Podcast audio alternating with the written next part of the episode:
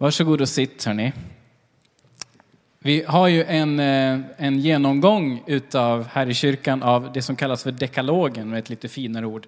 Tio Guds bud som finns i Andra Mosebok och lite grann försöker se hur kan man, vad, vad, vad betyder det här idag, typ 3500 år senare. Ehm, men jag vill börja på ett annat ställe och då vill jag börja ifrån Johannes evangelium kapitel 8. Och det här är en berättelse om hur Jesus möter eh, sin medmänniska. Och då står det så här. Tidigt nästa morgon var han tillbaka i templet och snart samlades allt folket omkring honom. Han satte sig då ner för att undervisa dem. Men då kom de skriftlärda och fariseerna med en kvinna som hade tagits på bar gärning när hon var otrogen mot sin man. De ställde honom framför honom och sa, Mästare, den här kvinnan togs på bar gärning när hon var otrogen mot sin man. Mose lag säger att sådana ska stenas. Vad anser du? De sa så då de egentligen var ute efter att få honom att säga något som de kunde anklaga honom för. Men Jesus böjde sig bara ner och skrev på marken med fingret. När de fortsatte att kräva ett svar så såg han till slut upp och sa, den av er som är utan synd ska kasta den första stenen på henne. Sedan böjde han sig ner igen och fortsatte att skriva på marken. När de hörde det gick de bort, en efter en, de äldste först. Till sist var det bara kvinnan som stod kvar framför Jesus. Då såg Jesus upp och sa till henne, kvinna, vart tog de vägen? Var det ingen som dömde dig? Nej, herre, svarade hon. Då sa Jesus, jag tänker inte heller döma dig. Gå nu, men synda inte mer. Ja, vi håller alltså på och tittar eh, lite grann på vad de här sammanfattande första buden, alltså det fanns ju jättemånga, över 600 olika bud i, i Gamla Testamentet om saker som skulle ordnas med och som man skulle följa. Men Jesus han sammanfattar allt i sig tar med sig allt upp på korset så att vi kan på ett plan säga att vi är fria och att det, det räcker med att komma till Jesus. Men ändå så finns det ju några av de här sakerna som är liksom vägledning för ett gott liv.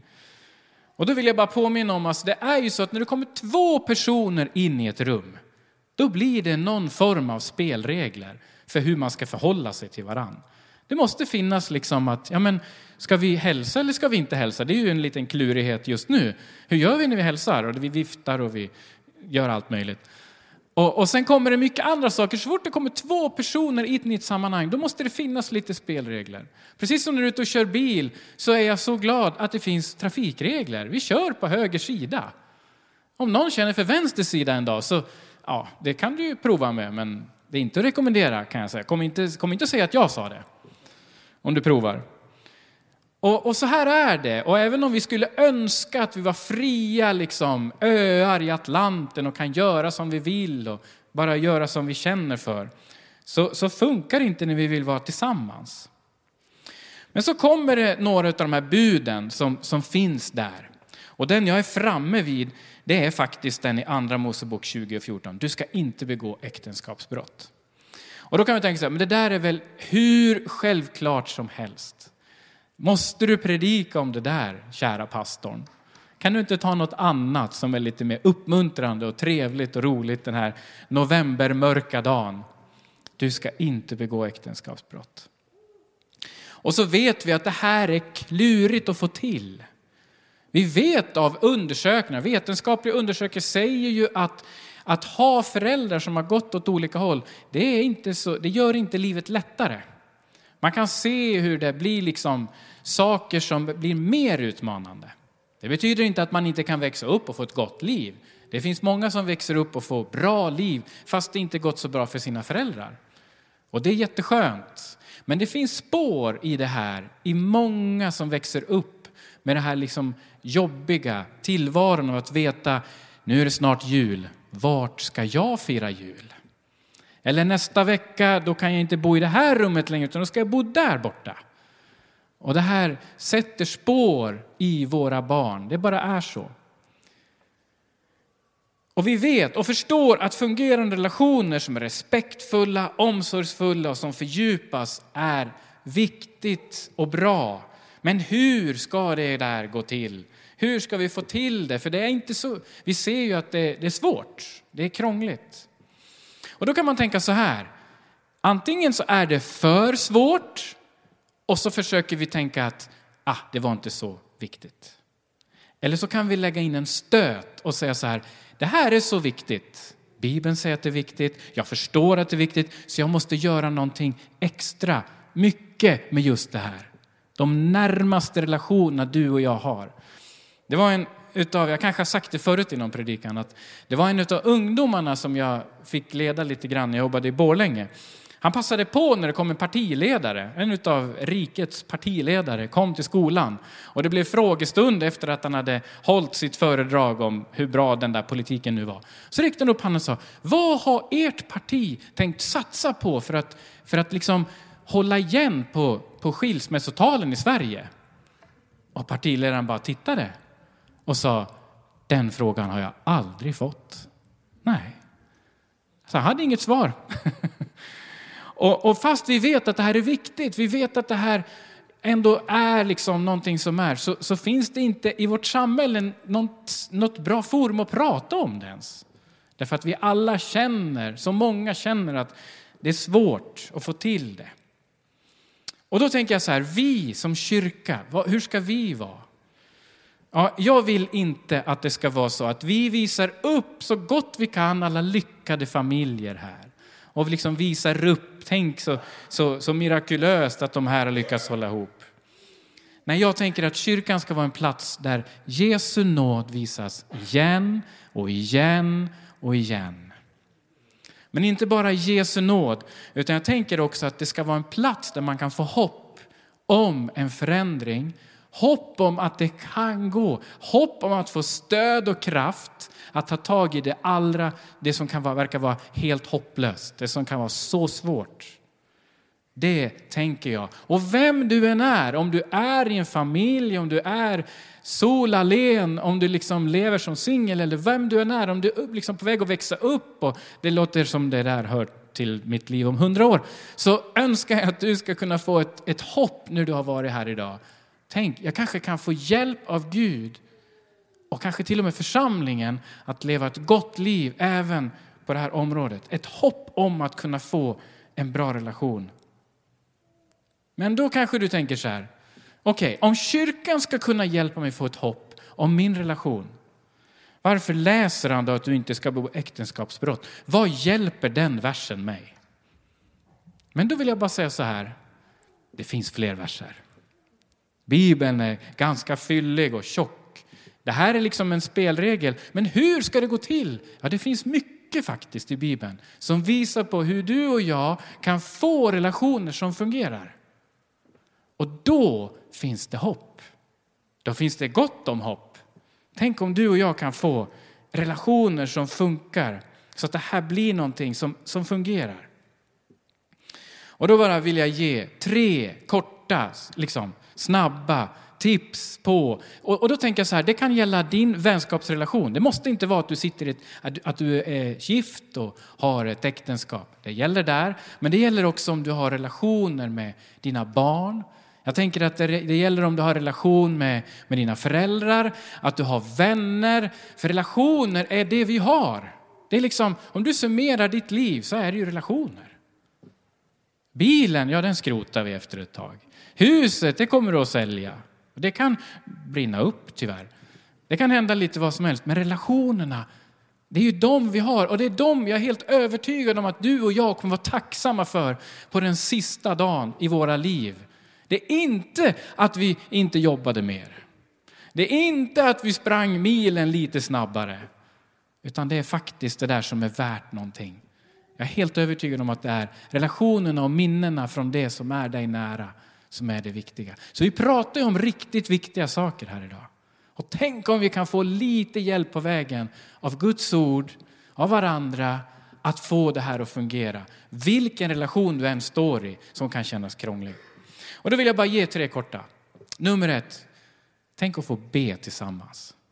I Matteus 7 och 7 står det så här, be så ska ni få. Sök så ska ni finna, knacka på och dörren ska öppnas. Be, för den som ber, han får och den som söker, han finner. Och för er, för var och en som knackar på ska dörren öppnas. Jag upplever att när jag och min hustru ber, då är det en stund av ärlighet. Om jag glider in i mina attityder och mina förutfattade meningar om saker och ting. Ni hör hur det är.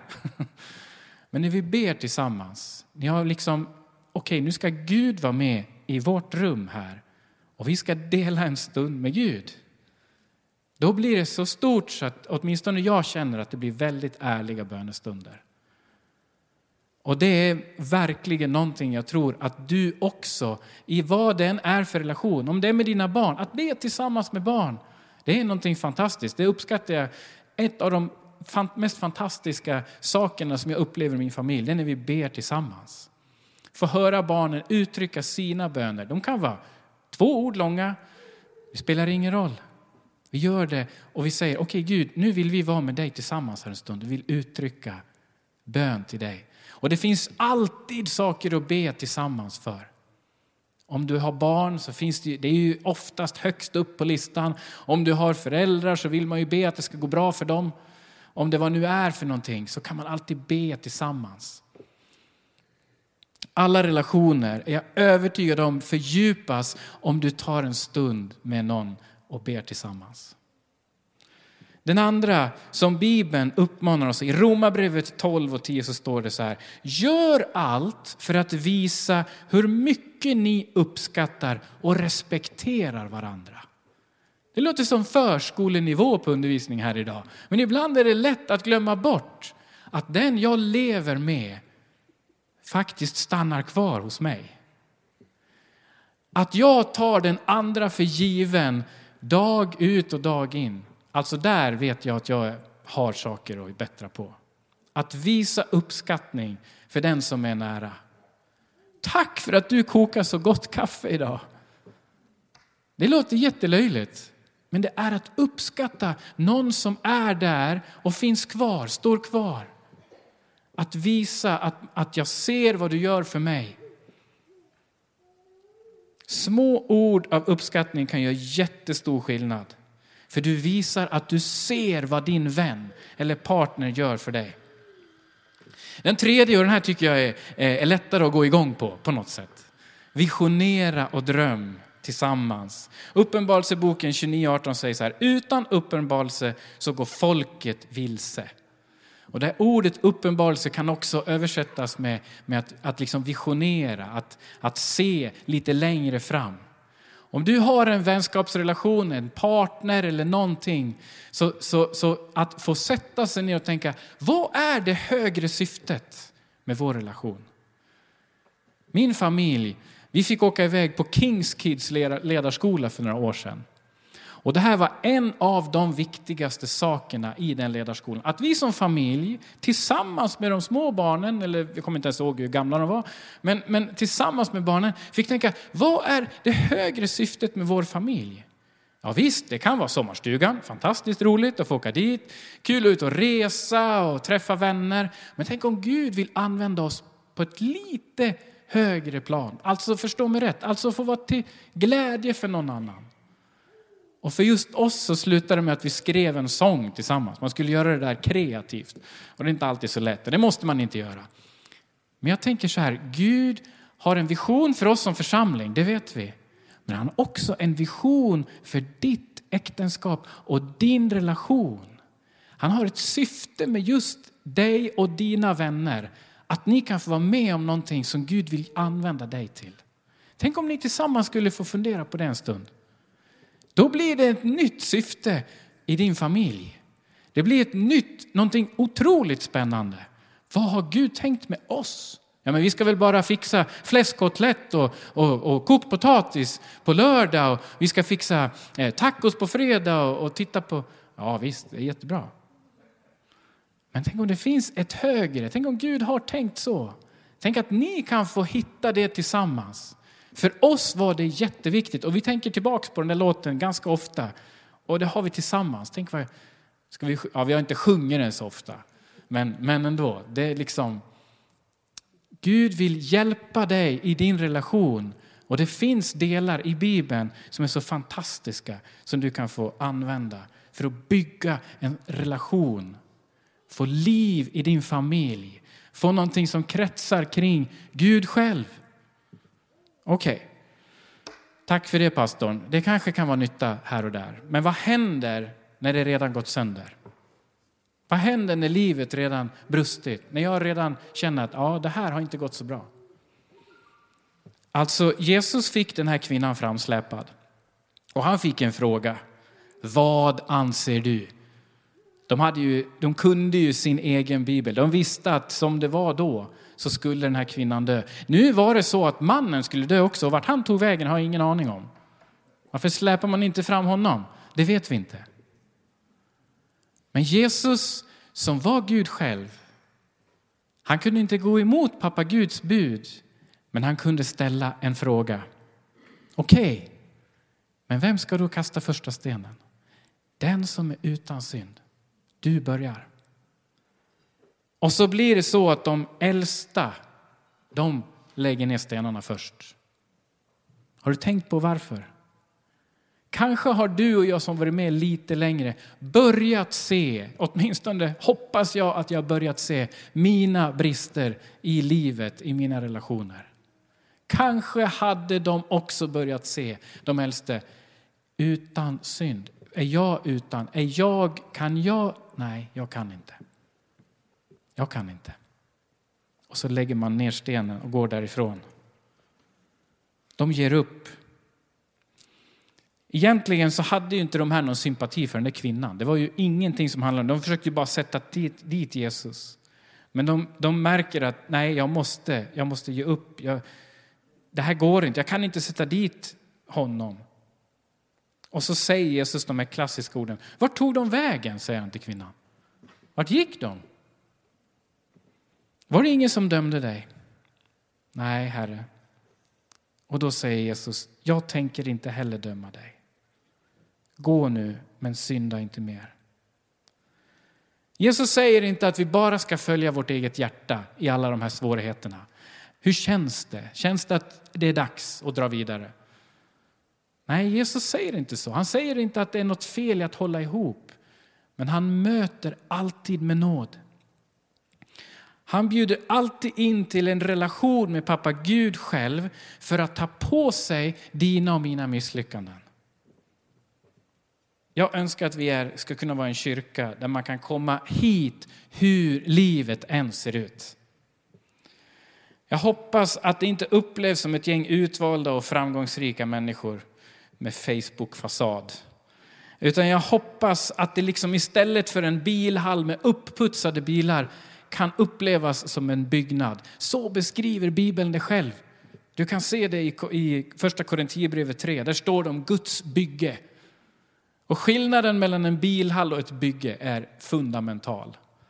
I bilhallen är alla bilarna upputsade perfekt. Man har putsat på ratten, man har, man har lagt på liksom snyggt, snyggt på däckutsidan. Allt är perfekt och man bara går runt och försöker hitta den trevsammaste bilen och allt ser blankt och snyggt ut. Men det är inte den här kyrkan, utan den här kyrkan önskar jag ska vara som ett bygge. Du kommer in, det är smutsigt, det är sopigt, men det finns ritningar. Det finns ritningar. Bygge pågår.